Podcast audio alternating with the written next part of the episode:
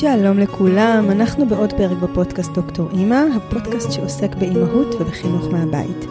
היום יש לנו פרק שהוא רלוונטי לכל בית, או יותר נכון לכל בית שיש בו אחים, ואפילו לכל מי שהוא אח בעצמו. כי אחד הדברים שהבנתי בעבודה על הפרק הזה הוא שיחסים בין אחים הם היחסים הכי ארוכים שיש לאדם. אלו בעצם יחסים שנמשכים כמעט כל החיים. ואיפה היסודות של היחסים האלו? בילדות. ולמי יש את ההשפעה הכי גדולה על היחסים האלו?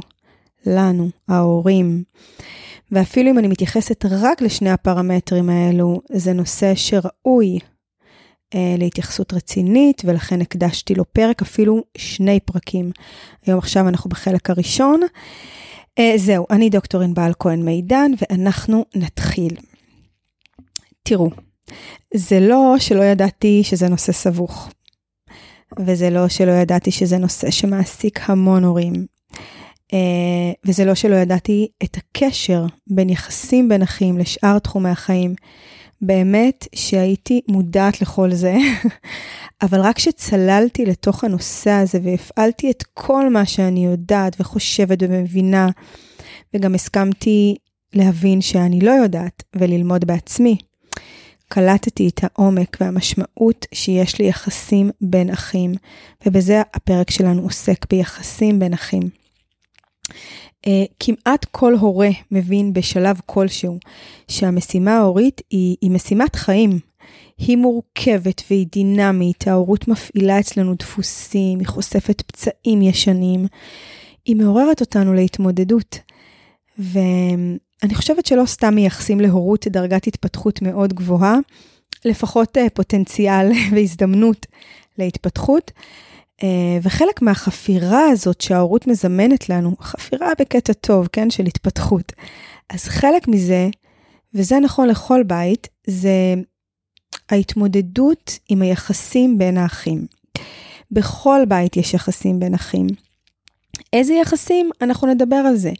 אבל בכל בית שיש אחים, יש יחסים. כמו בכל בית שיש הורים, יש יחסים בין הורים. וכהורים, כשאנחנו רוצים להתעסק ביחסים של הילדים שלנו, בינם לבינם, זה כמעט בלתי נמנע לחזור לבית שאנחנו גדלנו בו, לאחים שלנו, לילדות שלנו, להורים שלנו. כי לכל אחד מאיתנו יש מפה קטנה, היא בדרך כלל מקופלת, שקטה. על המפה הזאת משורטטת הילדות שלנו. ובהקשר הזה של יחסים בין אחים, אני מזמינה לגעת במפה הזאת, להתחיל לפתוח את הכפלים כמה שאפשר, עוד כפל ועוד כפל. אה, המפה הזאת מזכירה לנו את הרקע שלנו, וזה לא מיותר, זה הכרחי כדי לעסוק במה שקורה אצלנו בבית, ביחסים שלנו עם הילדים שלנו, וגם ביחסים של הילדים שלנו בינם לבינם. אמרה לי פעם אימא שהגיעה להתייעץ על, ה, על היחסים בין הילדים שלה, יותר נכון על המריבות בין הילדים, היא אמרה לי, לי אין ענייני אחים, אני באה נקייה, אני בת יחידה. אז אנחנו לא נעמיק היום בילדים יחידים, גם לא כהורים שהם יחידים, אבל אתם יכולים לנחש שזה מגיע עם מטען מיוחד, הורה שמגיע כילד יחיד, זה משהו אחר. אה, זה, זה אחר מאשר בית עם אחים, אבל זה בהחלט משהו ששווה להסתכל עליו ולקחת אותו בחשבון. אה, שוב, גם אם אתם הורים שגדלתם בלי אחים. אבל זאת רק אנקדוטה קטנה, נזכרתי בה, אבל אנחנו חוזרים ליחסים בין אחים. אז ההזמנה היא לחזור אחורה, לבית שבו גדלנו. תחשבו על הבית שלכם כילדים, איך הוא היה נראה, בפיזי אפילו. תתחילו לטייל בו רגע, הוא גדול, הוא קטן, אתם גרים, גרתם בעיר, בקיבוץ, אה, אולי אפילו זה לא היה בארץ. תנסו ללכוד בזיכרון שלכם ריחות, הרגשה, מראה, משהו חושי. אה, אל תיתנו לציניות או לחוסר הסבלנות להשפיע עליכם, אה, כי אם אנחנו רוצים לעשות עבודה משמעותית בבית שלנו כהורים היום, ההתעסקות ברקע שלנו היא מאוד מאוד חשובה ורלוונטית. אה, אם נתעסק בזה ככה, יש סיכוי גדול שהרבה דברים יתבהרו לנו. אז אנחנו ממשיכים בטיול בבית שבו גדלנו. אה, האם יש חלל משותף שבו כולם נפגשים? האם לכל ילד יש חדר משלו או שחולקים חדר, חדרים? האם יש אווירה של ביחד או תחושה של ניכור?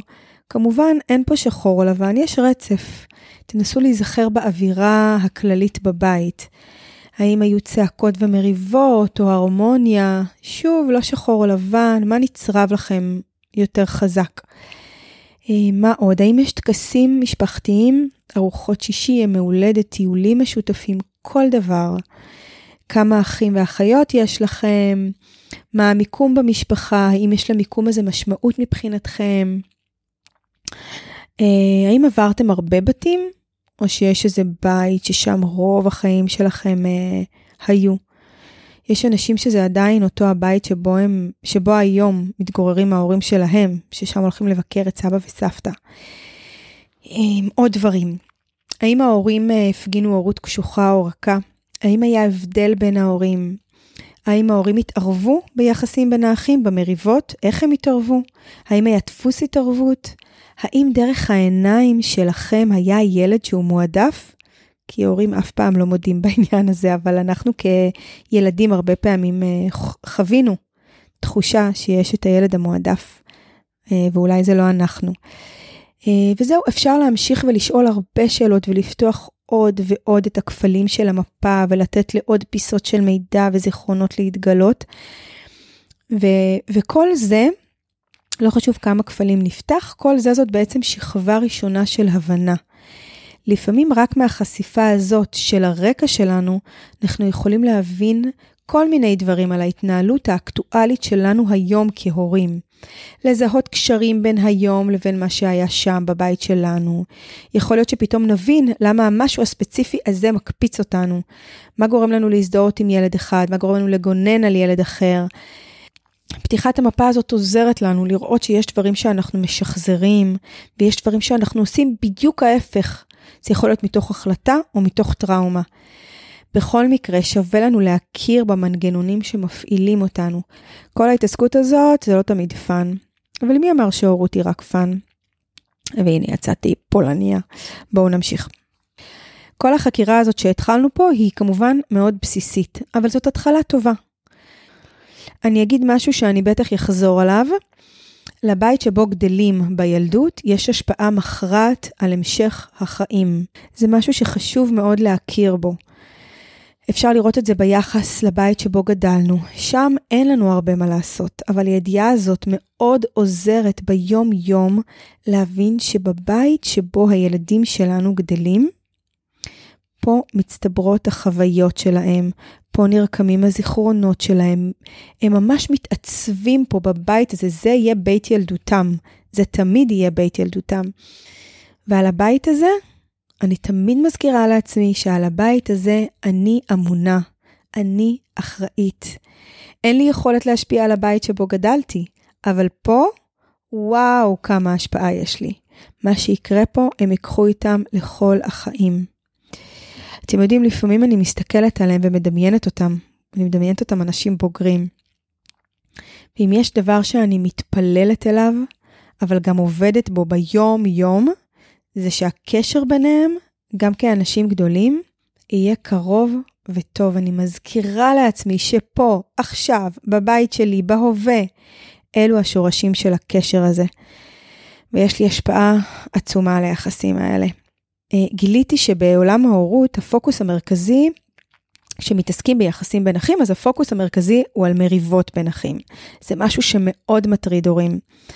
אה, יש איזה מחקר בארצות הברית שמצא שהסיבה הכי פופולרית שהורים פונים לייעוץ הורי היא מריבות בין אחים. ואנחנו נדבר על מריבות בין אחים, אבל אני רוצה שגם נרחיב את הספקטרום ונדבר על יחסים טובים בין אחים. אני רוצה להיות מסוגלת להגיד שזה לא מספיק לי שהם ידעו איך לריב, וזה לא מספיק לי שהם יריבו פחות. אני רוצה שיהיו ביניהם יחסים טובים וקרובים. זאת השאיפה שלי, שהם ילמדו לאהוב אחד את השני, שהם יזהו את הכוח המשותף שלהם, שהם יהיו כתובת אחד לשני. אני יודעת שהאיכויות האלו ילוו את היחסים שלהם גם בעתיד, גם הרבה אחרי שאני לא אהיה פה. אבל אנחנו נתחיל ממריבות.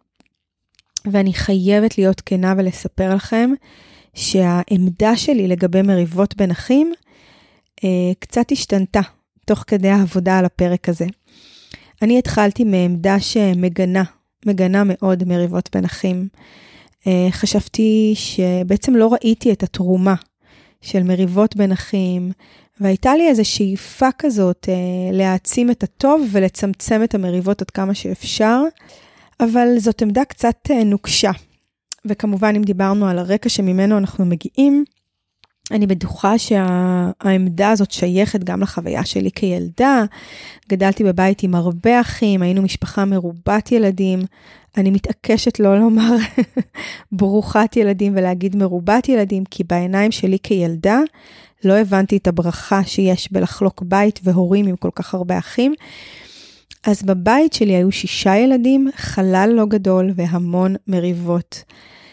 Uh, העמדה שלי לגבי מריבות בוודאי שייכת לנוף ילדותי. ראיתי את המחיר הכבד שאני משלמת על יחסים לא טובים בין האחים בילדות. אבל uh, כבר אמרתי, תוך כדי העבודה על הפרק, העמדה שלי קצת התרככה, התחלתי לראות את הגוונים הרבים שיש בנושא הזה, בעיקר הגוונים הפסיכולוגיים והמשמעות שיש למריבות, אבל אנחנו נגיע לזה. אבל uh, יותר מזה, גיליתי את ההשפעה הקריטית שיש להתייחסות שלנו כהורים, uh, בתוך כל התחום המורכב הזה של תקשורת בין אחים. וזה כבר לא דיכוטומי, הם רבים, זה לא טוב, הם מסתדרים, זה טוב. אה, אבל פה אני רגע רוצה להתעכב. אה, כשהורים באים להתייעץ ומספרים שיש להם קושי, אה, שהקושי הוא נעוץ לטענתם במריבות בין האחים, אז בזהירות ולאט ועם הרבה כבוד, אני, אני מפנה את הזרקור חזרה להורים, בלי אשמה. רק כהזדמנות לראות את החלק שלנו ההורים, בתוך האווירה בבית שלנו. חלק ממה שקורה בבית שלנו, חלק מהפאזל הזה, זה התקשורת בין האחים. אבל זה רק חלק אחד, שאולי נוח לנו להסתכל עליו, כי נוח לנו אולי להפריד אותו ולהגיד, זה הם, הם לא מסתדרים, הם רבים, זה לא אני, זה הם. אבל זה רק מפתח או דלת, לא משנה, תבחרו את הדימוי שאתם אוהבים, להתבונן בתמונה הרבה יותר רחבה. תקשורת בין אחים אף פעם לא מנותקת מהלך הרוח של המשפחה, מהדינמיקה של המשפחה, מהתרבות המשפחתית. תקשורת בין אחים, מריבות בין אחים, זה אף פעם לא נושא שעומד בפני עצמו. וכשהורים באים לייעוץ כדי לפתור יחסים בין אחים, הם, הם לרוב uh, בעצם באיזושהי הזדמנות לחקירה של מה קורה בכלל בבית. אה, ובואו ניתן קצת דוגמאות. אנחנו מדברים על בית שבו ההורים מגיעים עם תלונה של מריבות רבות בין האחים. אז התמונה הקלאסית ביותר היא בית סוער. בית שבו גם התקשורת בין ההורים כוללת מריבות והרמת קול, לפעמים בוז בין ההורים. אה, תקשורת סוערת שבה מותר לריב, שאם ההורים יכולים לריב, אז גם לילדים מותר לריב. הורים שצועקים על הילדים שיפסיקו לריב, אבל באותה נשימה רבים בעצמם, זאת בעיה. ומעבר לתקשורת סוערת, הבית יכול להיות סוער אה, גם בוויזואליות שלו. גם בכך שהוא מלא בחפצים, או אולי לא מסודר, זה כאוס כזה בחלל. Uh, הבית הסוער יכול גם להכיל הורים שמסתדרים ביניהם טוב, אבל הם עם טמפרמנט, או אחד מהם לפחות עם טמפרמנט מאוד סוער, נסער, כעוס. הם יכולים לכעוס מאוד על בעלי מקצוע, על שכנים, לייצר איזשהו מודל של תקשורת שמכילה עוינות כלפי... Uh, בעיניים של הילדים זה כלפי קבוצת השווים, כי זה כלפי מבוגרים אחרים. אה, זה יכולים להיות הורים שהם לא נינוחים, לא מרוצים, אבל זאת רק דוגמה שבה אה, אני, אני בעצם כוללת המון אלמנטים שיכולים להיות בבית סוער. אה, כשבית סוער יכול להיות, יכול לכלול בעצם גם רק חלק מהדברים שהזכרתי. בואו נחשוב על מה עוד. בית כזה ש...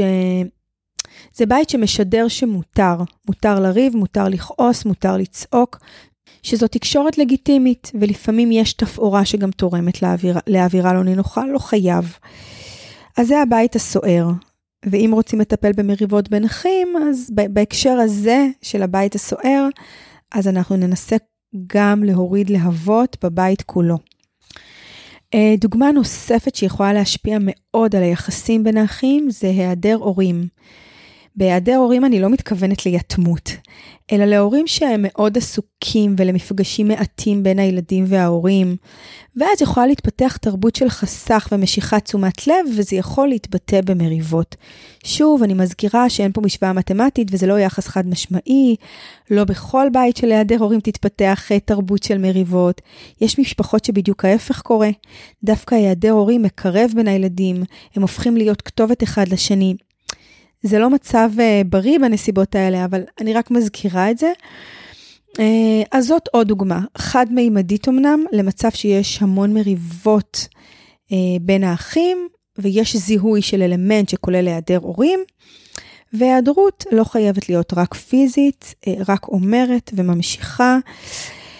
Uh, אבל אפילו לפני כל זה, אחד הדברים הראשונים, בעצם הייתי צריכה להגיד את זה כדבר ראשון, שאפשר לבדוק אותם, הם אה, מה העמדה שלי כהורה לגבי מריבות. מה אני מרשה? אה, מה אני מרשה בתוך כל עולם, העולם הזה שנקרא מריבות? במילים אחרות, מה מותר שיקרה בבית שלי ומה אסור, ולכל אחד מאיתנו יש כאלה. יש בתים שמותר לילדים להרביץ אחד לשני. אפשר לשמוע את ההורים אומרים, אז מה, הם ילדים, גם אנחנו הלכנו מכות עם האחים שלנו. זה עניין תרבותי ואפילו תפיסה שההורים מחזיקים בה. אם להורים האלו מכות זה לגיטימי, אז כנראה שזה בסדר שזה יקרה בבית שלהם. יש הורים שמסכימים לקללות, שמסכימים למילות גנאי, זה נראה להם לא קריטי שהם אומרים אחד לשני, שהילדים אומרים אחד לשני. אידיוט, סתום, שמנה, גמד, חסר תועלת, חסר מוח, תשלימו אתם את כל הברכות. אני, אני, אני לא נותנת את הדוגמאות האלו כביטוי של טוב או רע, אלא רק דוגמאות לגבולות שאנחנו כהורים מותחים יותר, מותחים פחות. כל אחד יכול לעצור ברגע הזה ולבדוק מה הוא מרשה שיהיה בבית שלו.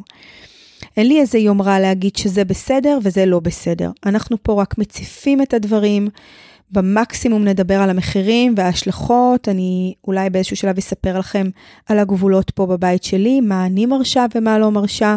אני אפילו יכולה לקחת אחריות, לקחתי, אני חושבת, מקודם על, על הבית שבו אני גדלתי. ואם ברגע הזה שבו אני מדברת על זה, מישהו מכם אומר לעצמו בלב את המשפט, אני לא מרשה מכות, אבל מה לעשות, זה קורה, או אני לא מרשה קללות, אבל הם uh, מקללים. אז אני מציעה, בלי לעשות הנחות, להתבונן מקרוב על הדבר הזה ולשאול, מה היה קורה אם אותו הילד שקילל, שהרביץ, לא משנה מה, מה שעשה, שמבחינתכם הוא עשה את זה, למרות שאתם לא מרשים, מה היה קורה אם אותו הילד היה לוקח כיסא וזורק על הראש של אח שלו? האם זה בסדר? האם זה מותר? וזה רק לצורך זיהוי הגבולות ההוריים. כי אם הזדעזעתם מהדוגמה של הכיסא, כנראה שמכות או קללות לא מעוררים בכם את הזעזוע הזה. כי כנראה לא הייתם אומרים, אה, אני לא מרשה לו לזרוק כיסא על הראש של אח שלו, אבל מה לעשות, הוא זורק. שוב, בבקשה, אל תיקחו אותי למקום שיפוטי, אני מרשה לעצמי להציף פה את הדברים ולא לעשות לנו הנחות. ואני לא מחזיקה פה במה טוב או לא טוב, אבל חשוב שנתבונן על הדברים, ואם אנחנו מסכימים משהו בבית שלנו, אז אנחנו לא יכולים להתלונן על ההשלכות שלו, או אנחנו יכולים להתלונן, אבל לפחות חשוב שנראה את הדברים, שנבין שאם לזה מותר לקרות, אז כנראה שזה יכול לגרום לכל מיני דברים אחרים. אה, כי לכל אחד מאיתנו יש גבולות אדומים, לכל אחד מאיתנו יש את הקווים האלה שאנחנו לא מסכימים שיחצו אותם. וכל מה שבערך לא תופס. ילדים יודעים טוב מאוד איזה גבול לא חוצים בבית הזה. אז כשדברים קורים בבית שלנו, זה אומר שאנחנו מרשים שהם יקרו. אה, אמרתי כבר שאני לא עושה הנחות, לא היום. אה, ואם אני כבר באווירה של אין הנחות, אז יש עוד דבר אחד, הוא הכי קשה להתבוננות, הכי קשה. לפעמים גם אי אפשר להגיע אליו בהדרכת הורים קצרה, אבל פה אני אתן לכם ככה אה, מלוא הסל, ותחליטו אתם מה לעשות עם זה. לפעמים מריבות בין האחים, יחס עוין בין האחים, נעוץ ביחס של ההורים לילדים בבית.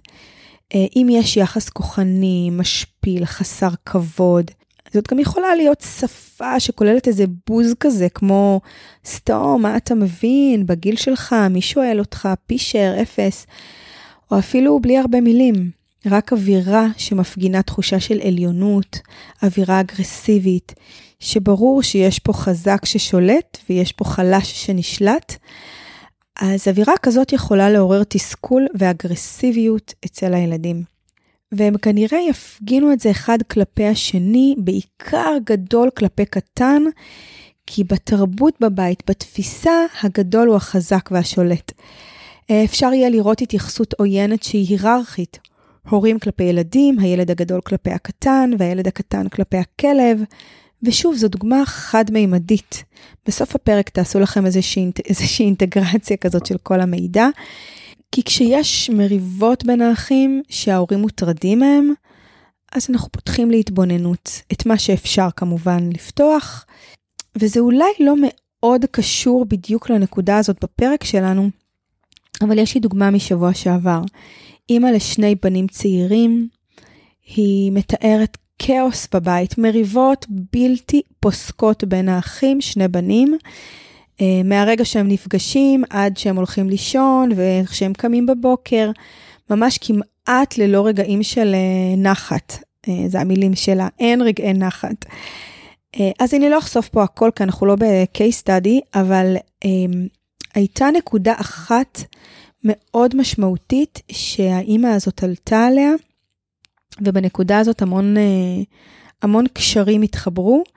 בסוגריים אני אגיד שהכאב הכי גדול שלה זה שהם לא אוהבים אחד את השני, שהם לא מסתדרים, ומה יהיה כשהם יגדלו, ואיזה באסה לחיות באווירה כזאת. ואז מה שהיא הבינה היה שהם מסתדרים מצוין כשהם מתארחים אצל סבא וסבתא. ויותר מזה, היא הבינה שהם מאוד דואגים אחד לשני, גם במסגרת שהם נמצאים בה. יש ביניהם פער של שנתיים והם באותה מסגרת. היא ממש הלכה ובדקה וחקרה, וזאת הייתה תובנה שהייתה מפתח מאוד חשוב לעניין המסוים שלה, שהובילה הרבה תובנות ואפשרויות לשיפור המצב בבית.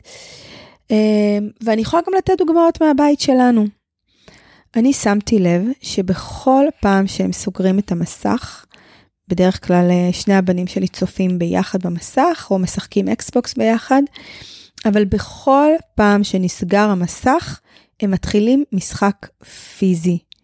מי שמכיר משחק פיזי בין בנים, צריך ממש לנשוך את השפתיים כדי לא לשחרר את המשפט השחוק ביקום, זה ייגמר בבכי. כאילו, דה, ברור שזה ייגמר בבכי. Uh, עוד לא מצאתי את האחים שמישהו ברגע מסוים קם, מושיט יד ללחיצה ואומר, זהו אחי, סיימנו להיום. בקיצור, זיהיתי שזה מה שקורה, משחק פיזי אחרי מסך. Uh, ומשחק פיזי תמיד נגמר בזה שלמישהו כואב, ובקיצור, הבנתם. ואז מצאתי שתי אופציות להתמודד עם זה. האחת היא להכיל, שזה הכי קשה, אבל הכי אפקטיבי. והדבר השני הוא לתכנן מראש, אחרי המסך, לצאת לפארק, לאופניים, לטרמפולינה, כל דבר שהוא מפעיל את הגוף. אני אגיד בסוגריים, עוד סוגריים, וואי כמה סוגריים אני פותחת בפרק הזה, שאני לא מרשה בבית שלנו מכות, אה, מכות שהן בכוונה לפגוע, בעצבים. אה, לא מרשה בשום אופן, זה הגבול האדום שלי. אה, הבנים שלי רוב היום במשחקים פיזיים. אבל יש לנו לכולנו את היכולת להבדיל בין משחק ואלימות. לפעמים המשחק יכול לכאוב למישהו, ככה זה בדרך כלל גם נגמר, אבל אה, אלו הגבולות פה. זאת הייתה רק דוגמה לזיהוי איזה פוטנציאל מריבה ברגע שהוא ידוע מראש, אחרי המסך. יש uh, עוד דוגמה מהבית שלנו, שגם בה, ברגע מסוים ביום, שוב, רגע ידוע מראש, יש פוטנציאל יומיומי להתנגשות. והפעם זה לא רק הרגע הזה ביום, אלא גם יש פה התנגשות אישיותית. ההתנגשות המדוברת היא שוב שני, בין שני הבנים שלי בערב. אבל לרגע שלא ייווצר הרושם שאין מריבות גם עם האחות הגדולה שלהם, יש מריבות, בעיקר כששלושתם נדחסים באוטו מאחורה, זה יכול להיות קטלני. אבל אני חוזרת לדוגמה של הבנים בערב. בכל ערב. יש אחד שמנסה להיכנס למיטה, שהוא אוהב לישון, הוא צריך את הטקס שינה, הוא צריך טקס שינה מרגיע, הוא צריך להוריד הילוך. זה תמיד היה ככה אגב. הוא זקוק למה, למעבר הזה הנינוח והרגוע לשינה, ויש את אח שלו, שהוא פצצת אנרגיה, ועד לרגע שהוא סוגר עיניים, הוא יכול להיות בפול פאוור. אתם מכירים את ההבדל הזה בין ילדים? יש את הילדים ששוכבים בשקט, בעיניים פתוחות, נרגעים, צוללים עד שהעיניים נעצמות, ויש את הילדים שעד לרגע, עד לרגע הזה שהעיניים נעצמות, לא ברור לך מתי זה הולך לקרות. להפך, זה נראה רק הולך ומתרחק, אבל פתאום הם מורידים שלטר. אגב, זה היה ככה תמיד מאז שהם תינוקות, זה מדהים. וזה גם מאוד קשור לדרך שבה מתעוררים. אבל זה סיפור אחר לגמרי, הסוגריים של הסוגריים. אם תרצו, תעמיקו ב, בסוגי טיפוסים, יש את הלונג סליפר ויש את השורט סליפר. בקיצור, שני הבנים שלי, כל ערב אותו סיפור. אחד מת לישון והשני מסיבה. והם ישנים באותו חדר. עכשיו, אנחנו כולנו מודעים לטיפוסים השונים שהם, לצרכים השונים שלהם, ויש לנו ניסיון יומיומי לתמרן את הדבר הזה. אז יש המון אסטרטגיות. אם זה מעניין אתכם, תכתבו לי, אני אספר לכם על זה יותר, אבל זאת רק דוגמה אחת לחלק אחד ביום שאני יודעת שהוא פוטנציאל למריבה, שיכולה להתפתח כל ערב.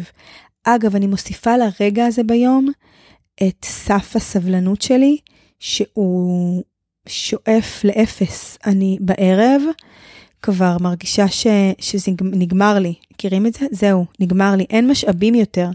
זה הרגע הכי מאתגר ביום. סתם, רציתי עוד איזה תבלין לרגע הזה. אז כל אחד בבית שלו יכול לזהות את הרגעים, המקומות, הסיטואציות שמדליקות את האווירה. יש המון לא צפוי, אבל אם מתבוננים, מגלים כמה רגעים צפויים יש. עוד גילוי מעניין שהיה לי דווקא עם רומי, עם הבת שלי הגדולה, שנים זה ככה. כל פעם שאני חוזרת איתה מיום כיף, מיום שהוא רק אני והיא, דווקא אז היא חוזרת עם מעט מאוד סבלנות לאחים שלה.